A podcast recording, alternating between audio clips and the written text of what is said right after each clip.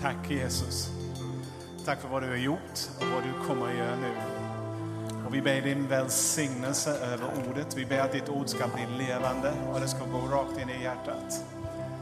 Och att det du har tänkt ska bli resultat också. I Jesu. Vi ber välsigna.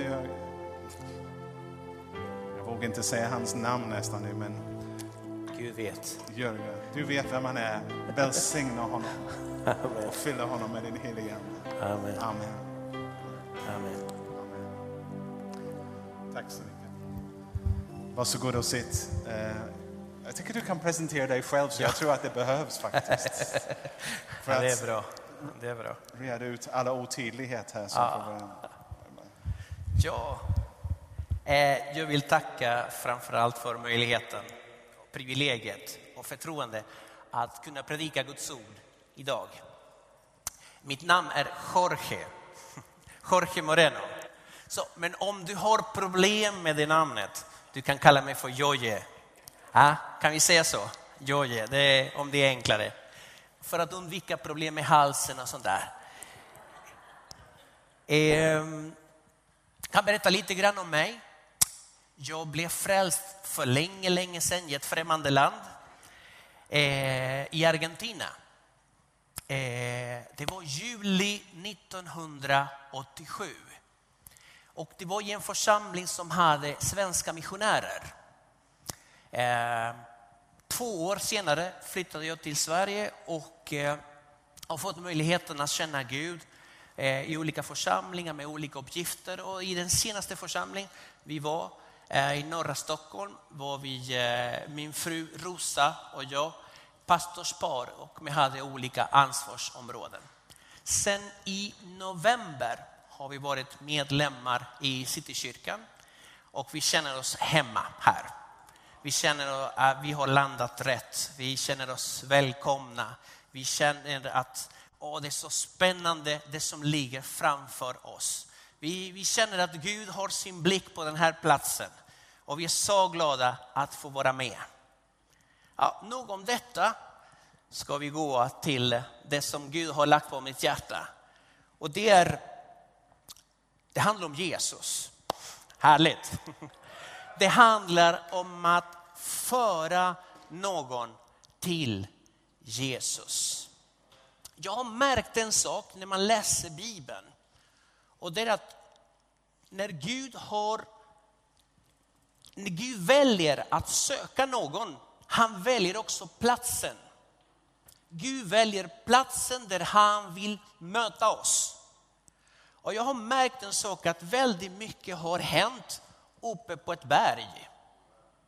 Ja, jag tänker liksom, jag nämner Araratberget och jag tänker på Moriaberget och jag tänker på Sinaiberget. Jag tänker på Karmelberg, jag tänker på Olivberget. Det finns så många platser där Gud uppenbarade sig. Han visade sig, han talade till någon uppe på ett berg. Araratberget. Ni vet att det var inte Noa som valde berget. Det var inte Noa som styrde båten. För det första, arken var ingen båt och Noa var ingen kapten. Han hade noll koll på var, vart det skulle gå. Det var Gud som valde platsen där han skulle landa. Och det första Noa gjorde när han landade, det var att resa upp ett altare för att tacka honom för hans frälsning och hans räddning. För Noa och hans familj, berget betyder något. Det betyder räddning och det betyder frälsning. Om vi kommer till Moriaberget, då hittar vi där en, en kille som hette Abraham. Han hade väntat länge på att få ett barn. Och han fick det, Isak, löftesbarnet. Men ändå kommer Gud med en väldigt bisarr fråga, eller begär. Och det är att han ska offra honom. Och hans värld vänds upp och ner. Men ändå tar han steg mot ett Morialand och till ett berg som han inte valde, utan till ett berg som Gud själv valde. På det berget skulle han göra detta. För honom, det berget skulle betyda en offerplats. Det skulle betyda en dödens plats. Det skulle betyda en plats där man ger sin skatt. Där man ger det högsta man har. Och så står det i Bibeln. Då sa han, första Moseboken 22 och 2. Då sa han, ta din son Isak, din enda son, som du älskar och gå till Moria land och offra honom där som brännoffer på ett berg som jag ska visa dig. Det berget, det berget tusen år senare skulle bli plats för templet. Salomo skulle bygga ett tempel på samma plats tusen år senare. Och tusen år senare skulle någon annan offra något där. Och nu är det Gud. Gud skulle offra sin son på samma plats. För Gud betyder också det bär någonting. En offerplats, en dödens plats, en plats där man ger allt. 100 procent.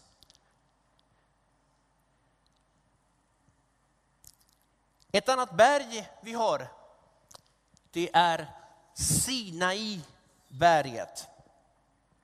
Det var platsen som Gud hade valt för att möta Mose. Mose skulle möta Gud på det berget. Det kallas också för Horev och det kallas också för Guds berg. Där skulle Mose uppleva Gud på ett sätt som skulle vända hans liv upp och ner. Där uppenbarar Gud sig för honom.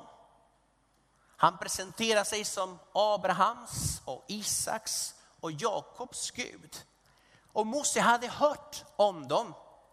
Mose hade hört deras historier, hur de hade mött Gud. Men nu är det hans tur.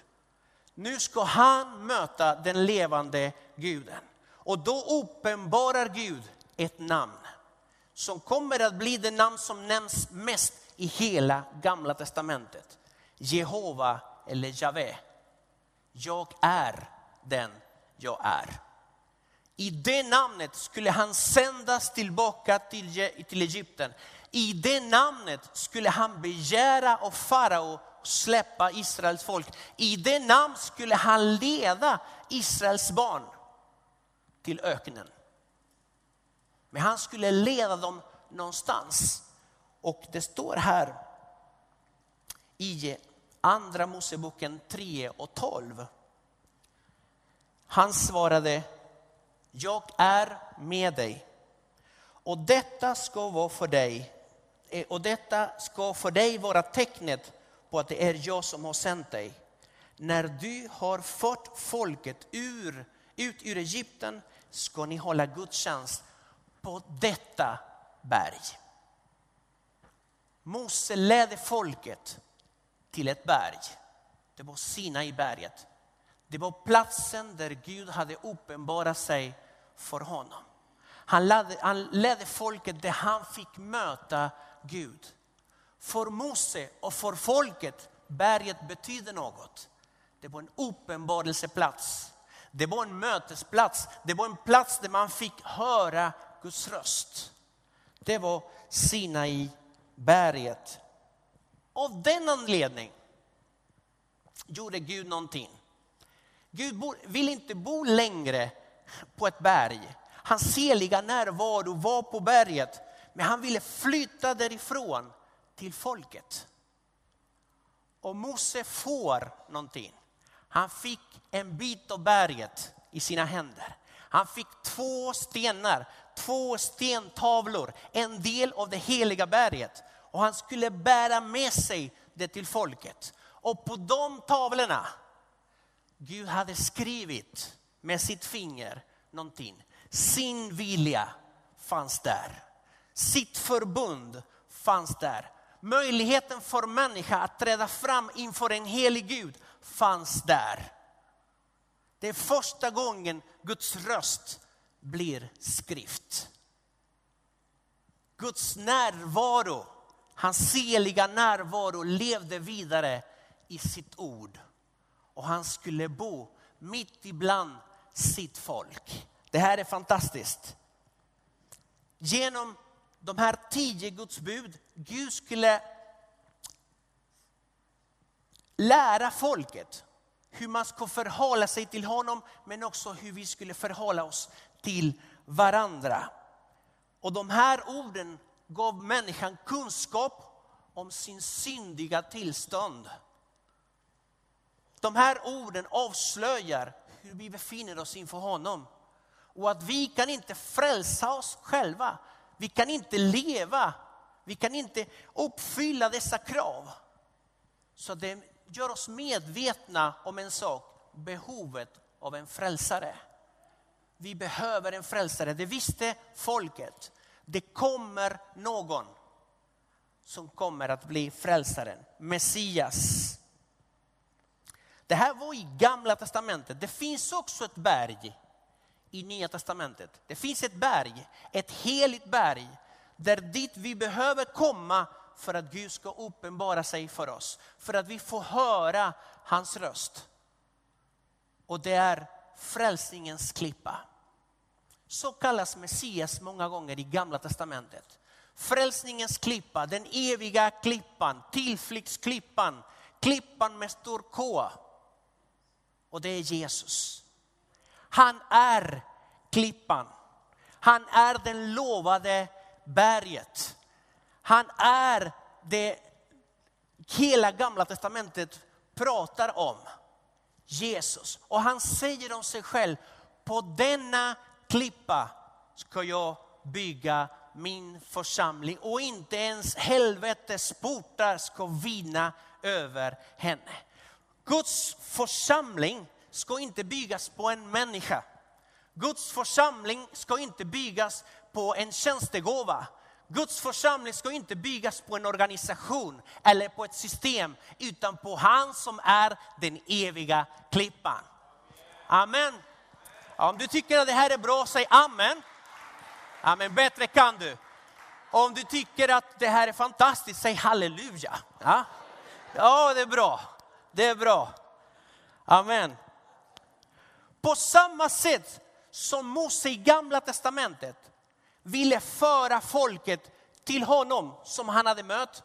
På samma sätt vill Gud att du och jag ska föra människor till honom som vi har mött. Vi kan aldrig leda människor till någonstans där vi har inte ens varit. Men vi kan alltid leda människor till det vi har upplevt honom. Det är Kristus, till Kristus. I honom, i honom kan vi få uppleva allt som Gud har för oss. I gamla testamentet Gud talade genom en brinnande buske. I nya testamentet Gud talar genom brinnande hjärtan. Brinnande hjärtan, när vårt hjärta brinner, då kan vi inte hålla tyst. Då kan vi inte hålla tyst utan då talar vi om vår Jesus utan att skämmas. Vi är stolta över honom, han som gav sitt liv för mig och dig, för oss alla. Det fanns två lärjungar som var ganska deppiga egentligen, de var väldigt deprimerade, fulla av ångest. Jesus dog på korset, nu är hoppet ute. Vi trodde på honom, nu är det kört, vad ska vi göra? Och mitt i det här samtalet kommer Jesus och börjar att predika för dem och undervisa allt som stod skrivet om honom. Och då händer det någonting. Då börjar deras ögon att öppnas och de ser att Jesus var mitt ibland dem. Och de säger till varandra så här. Brann det inte i våra hjärtan när han öppnade skrifterna för oss? Det är detta som händer när vi predikar evangeliet. Vi sätter eld i andras hjärtan. Någonting händer med hans ord. Hans ord har kraft att sätta hjärtan i brand. Är inte det vi vill? Det är inte längre teori, det handlar inte om teologi. Det handlar om att hans kraft ska sätta eld på våra liv. Lite passion tack. Ja, liksom man känner att Jesus gör något nytt i en människas hjärta. Det måste vi göra, att föra människor dit det finns frälsning. Det handlar inte om att, att de ska lära sig en ny kultur, att de ska känna sig hemma.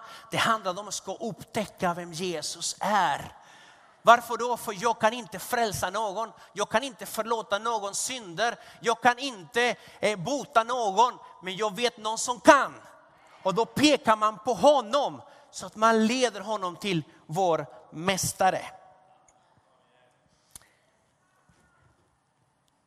Hur kan vi göra det? Hur ska vi hjälpa någon att komma till honom? I evangelierna kan vi läsa flera exempel på människor som, de var inga teologer. Det handlar inte om att kunna fina ord och att kunna massor.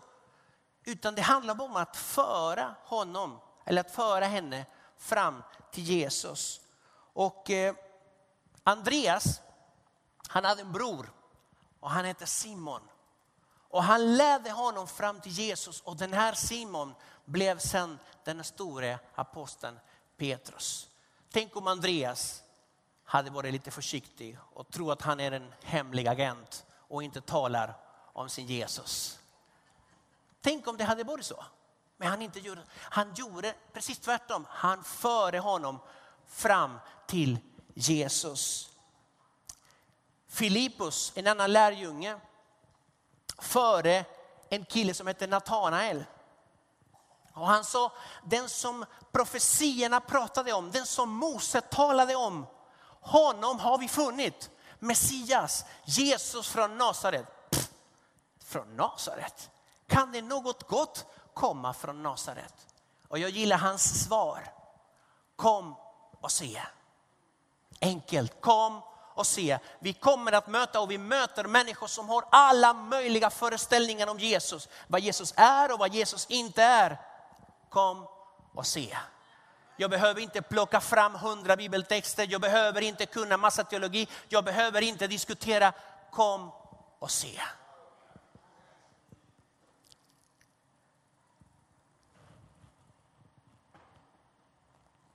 Det fanns en kvinna, en samarisk kvinna. Så hade, hon hade dåligt rykte. Men hon fick möta Jesus. Och hon hade en hunger efter Messias. Jag vet att Messias ska komma och när han kommer, han kommer att lära oss allt. Han kommer att uppenbara allt för oss. Kvinna, det är jag som talar med dig. Jesus uppenbarar sig för henne och hon springer hon in i staden och börjar berätta för alla hon mötte att hon hade mött Messias. När människorna kommer till Jesus då säger de så här, nu tror vi inte längre på grund av det du har sagt. Nu har vi hört själva honom och nu har vi förstått att han är hela världens Messias. Han är inte bara Israels frälsare, här är allas våra frälsare. Även samariernas frälsning fanns i Jesus. Är inte det vi behöver göra? Att folk ska själva få höra, uppleva, se honom. Och sen kan de säga, det var bra det du sa, men nu har jag upplevt honom själv.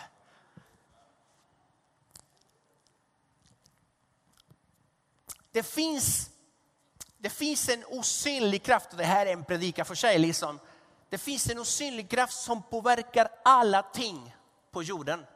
Det är en osynlig kraft. Det spelar ingen roll om jag förnekar den, om jag ignorerar den, om jag nonchalerar den eller om jag gömmer dig för den. Den kraften finns och det är dragningskraften. Tinglagen, gravitationskraften.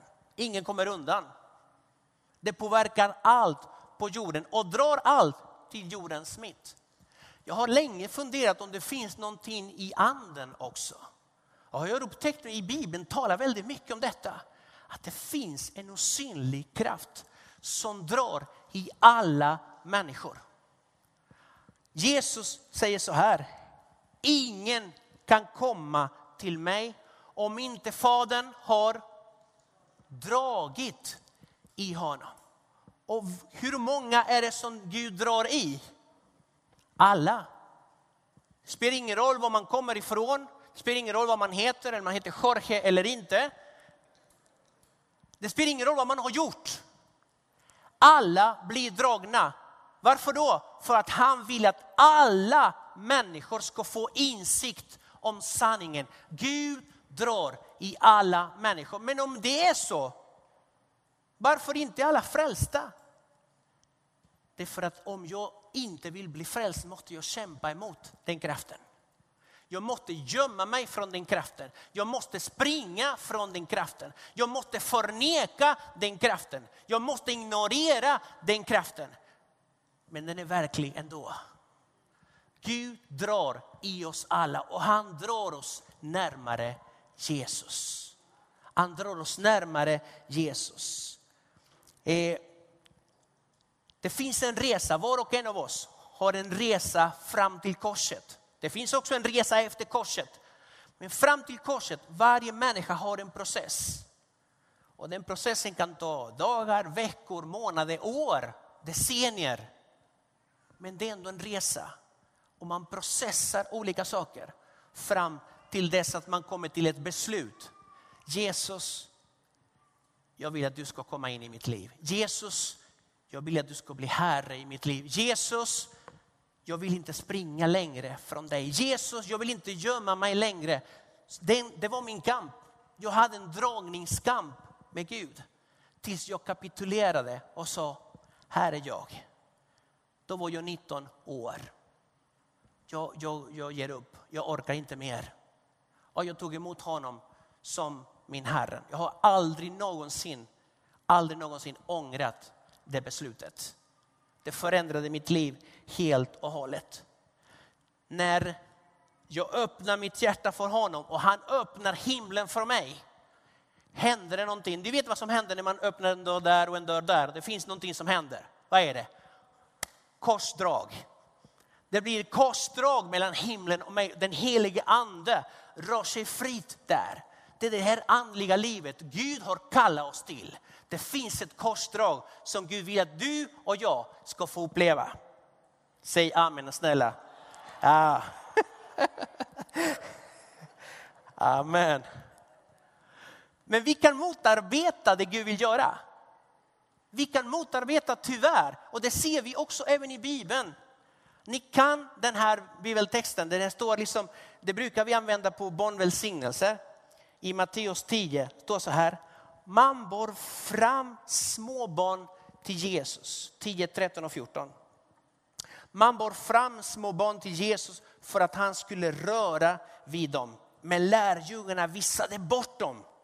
När Jesus såg det blev han upprörd och sa till dem, låt barnen komma till mig och hindrade, hindra dem inte, till Guds rike tillhör sådana. Vi kan hindra ibland människor från att komma närmare Jesus. Genom våra attityder, genom våra ord, genom vårt beteende. Vi sätter hinder för människor att de ser Jesus tydligt. Det räcker bara med lite religiositet, med lite hyckleri och då fixar vi det. Men det är inte detta Gud vill. Det, är inte detta Gud. det var inte den enda gången lärjungarna gjorde så. Det finns en kananeisk kvinna som kommer med sin dotter. Hon är svårt plågad av en demonisk aktivitet och vill att Jesus ska hjälpa henne. Och lärjungarna står där i mitten och säger nej, nej, tyst med dig, du bara stör, gå härifrån. Jesus kliver in i situationen och befriar dottern. Vi kan bli till hinder, men det är inte det vi vill. Eller hur? Ja, säg inte amen till det.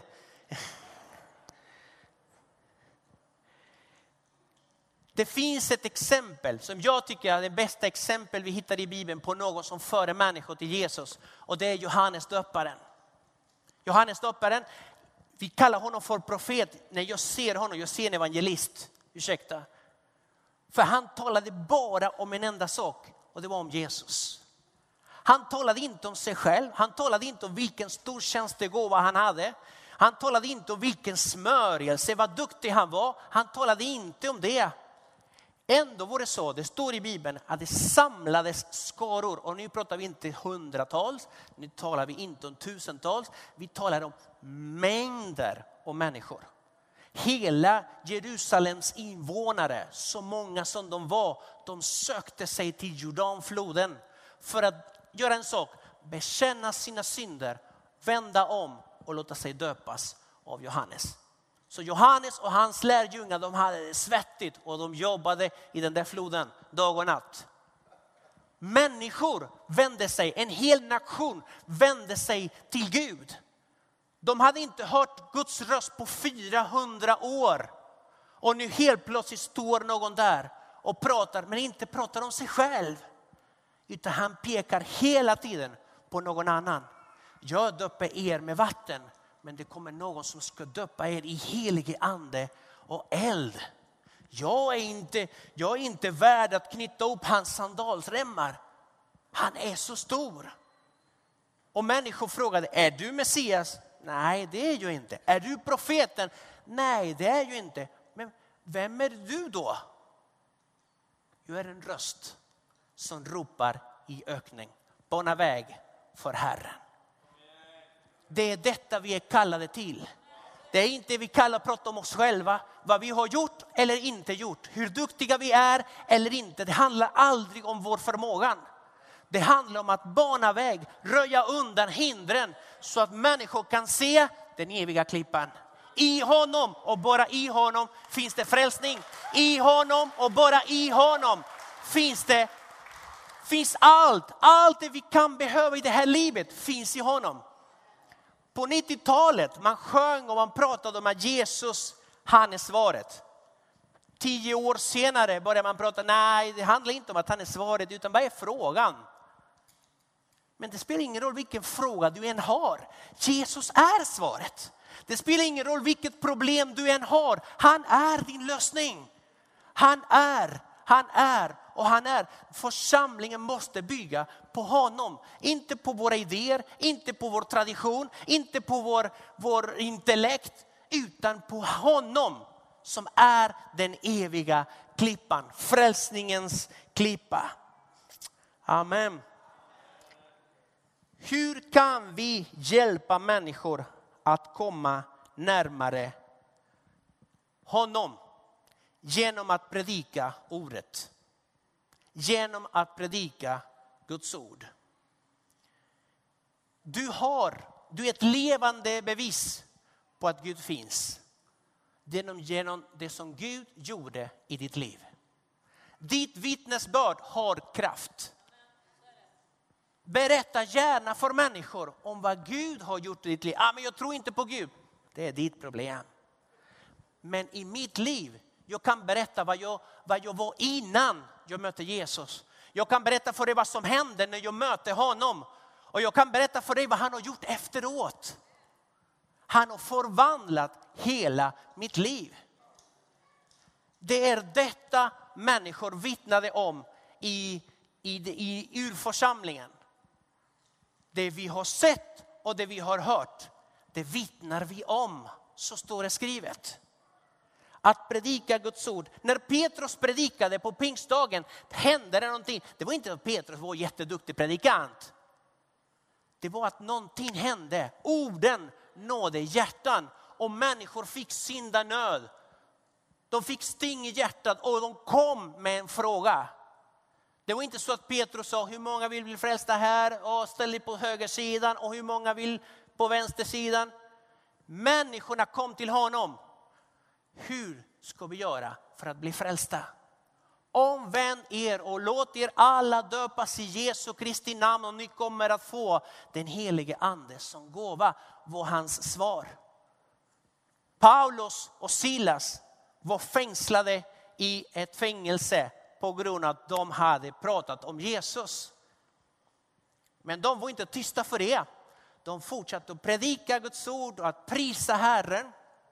De andra hade ingenstans att gå. De var tvungna att lyssna. Men en fångvaktare lyssnade också.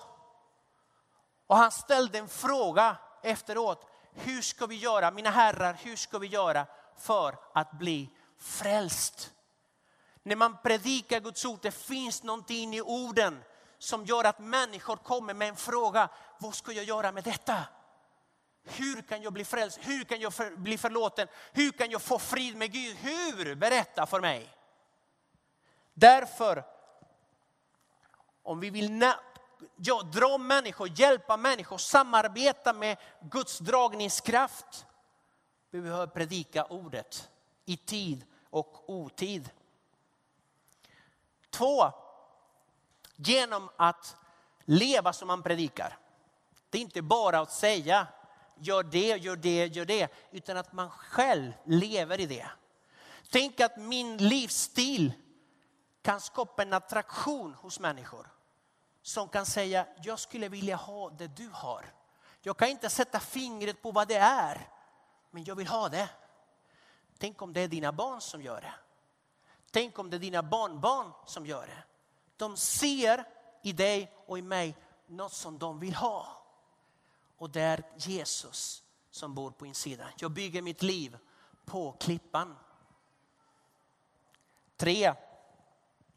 Genom att be specifikt för de människorna vi möter. Tänk att min bön kan bli en del i en process som hjälper en människa att komma till Herren. Och inte bara det, utan låt bli också en tacksamhet. En tacksamhet varje gång någon tar ett litet steg. Någon kom till kyrkan, amen, halleluja. Fast han var i foajén hela tiden. Men han kom till kyrkan, låt oss fira det. En annan gång sätter sig längst bort, sista bänken, närmast dörren. Jag har varit där. Utifall att. Man vet aldrig vad som händer i en kyrka. Men man lyssnade hela predikan, man var med i lovsången. Låt oss fira det. Lite längre fram vill man följa Jesus, vill man ta emot honom, vill följa honom, vill man döpas, vill man uppleva Gud, vill man bidra med något. Låt oss fira varje steg någon tar. Låt vår bön bli en tacksägelse. Tack Jesus för varenda en som vill komma närmare.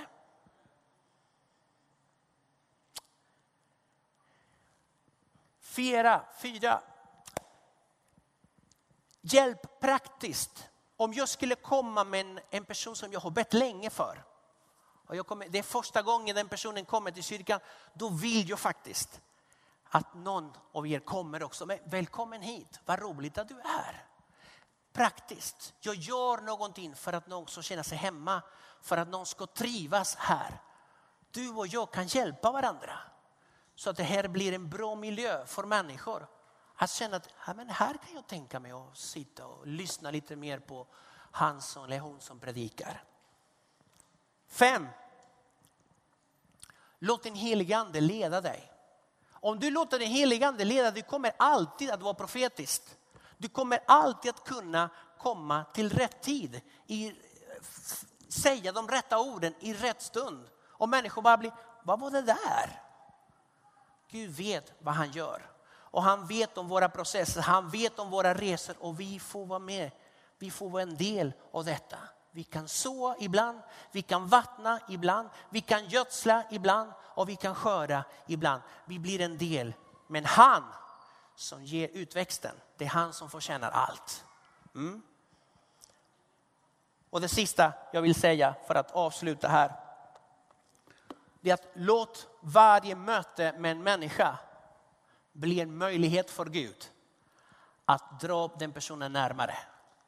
Gud, jag tror inte på slumpen och jag tror att Gud placerar människor i vår väg av en anledning.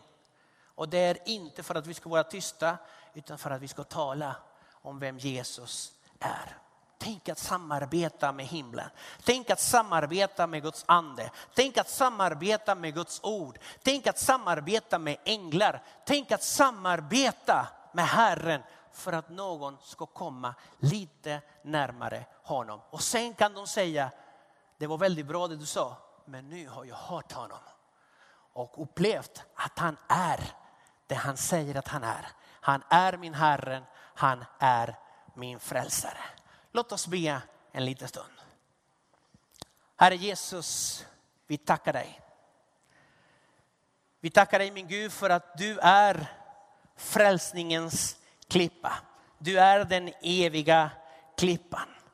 Tack min Gud för att du är våran frälsare. Tack min Gud för att i dig får vi frid med Gud. Hjälp oss min Herre att gå i den riktning du visar oss. Led oss min Gud på din väg. Vi vill lära känna dig mer och mer.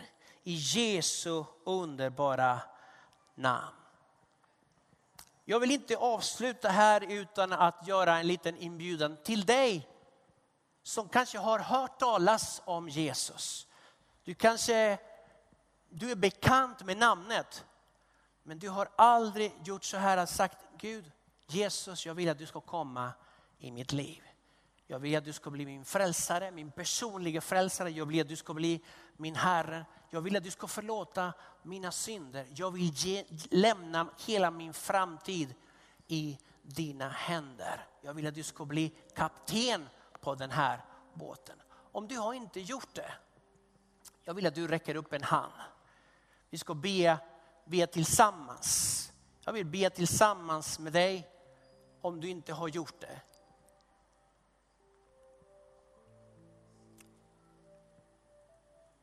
Kan vi göra så här att vi ber en liten bön? En liten kort och enkel bön.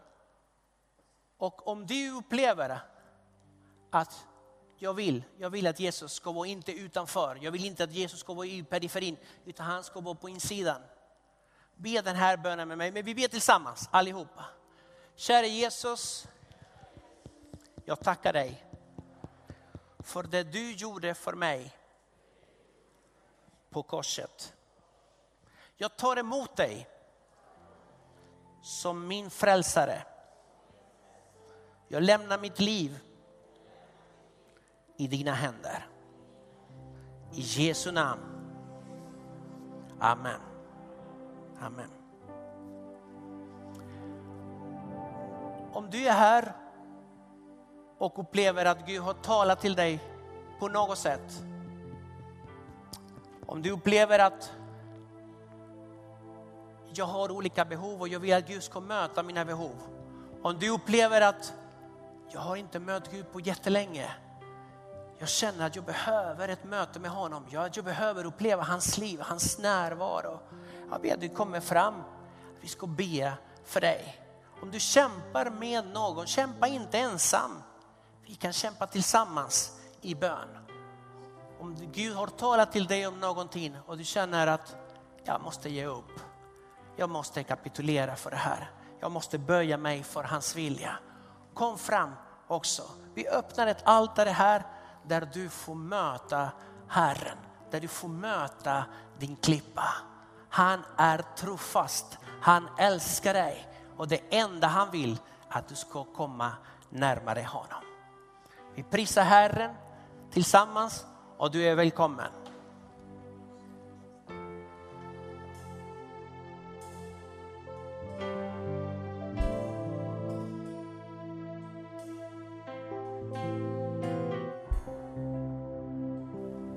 Låt oss stå upp nu. Det är lättare att uh, röra sig fram till, till förbön om man är stående. Och vi kan ge vår respons på vilken än sätt. Jag tycker vi har fått en bra påminnelse. Det finns en dragkraft. Det finns en Gud som inte väntar för att vi ska kämpa oss fram till honom. Utan har gjort allt möjligt att vi ska kunna möta honom. Och vi gör det när vi möter honom. Ja, vi dör på ett sätt. Man dör när man går fram. Man dör när, när man vågar jag?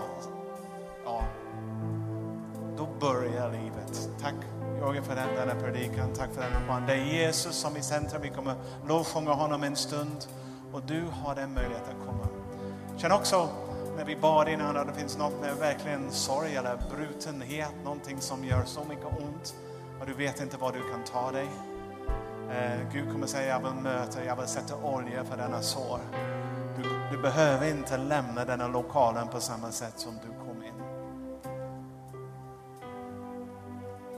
Vi tar emot honom nu och var frimodigt. Tack.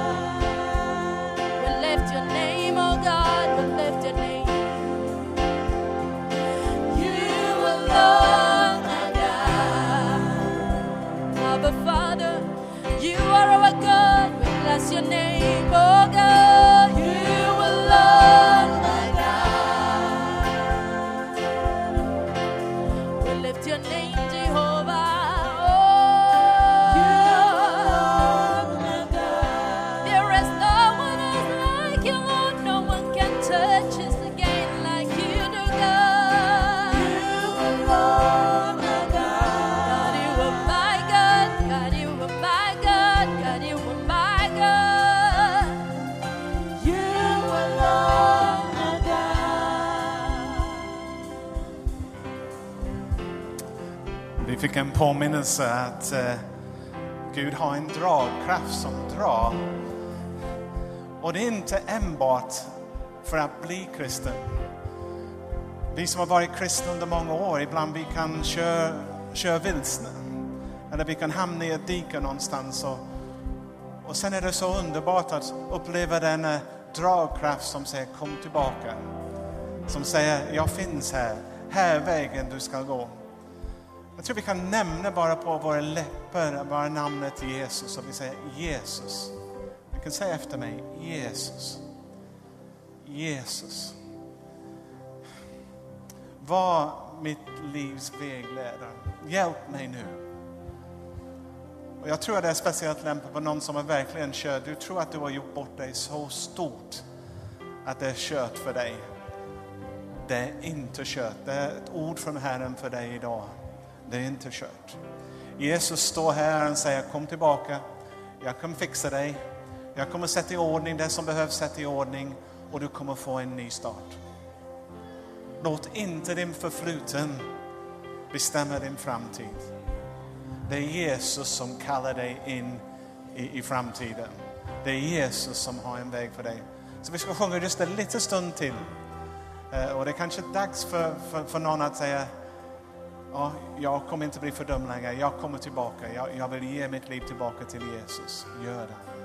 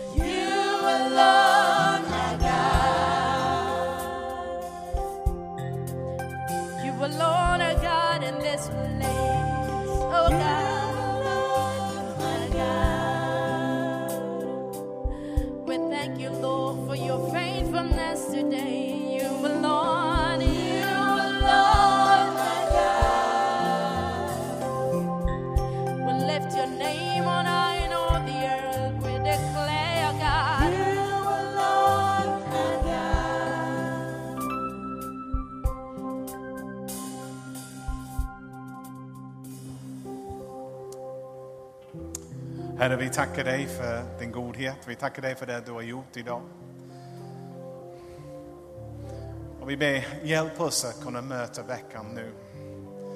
Hjälp oss att kunna också vara en verktyg i dina händer för att dra andra närmare dig.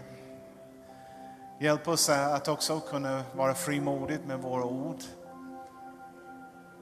och ha ditt namn Jesus på våra läppar. Alltid. Och nu vill jag be också Herrens välsigne över er. Herren välsigne er verkligen. Herren fyller er med din heliga Ande. Herren låt, låt sitt ansikte lysa över er och vara er nådig. Gå i frid nu och bli till välsignelse för andra. När Jesus fyller dig, du kommer märka att du kan också föra det fram till andra också, föra det vidare. Herren välsigne er. Amen. Amen. Tack. Tack så mycket.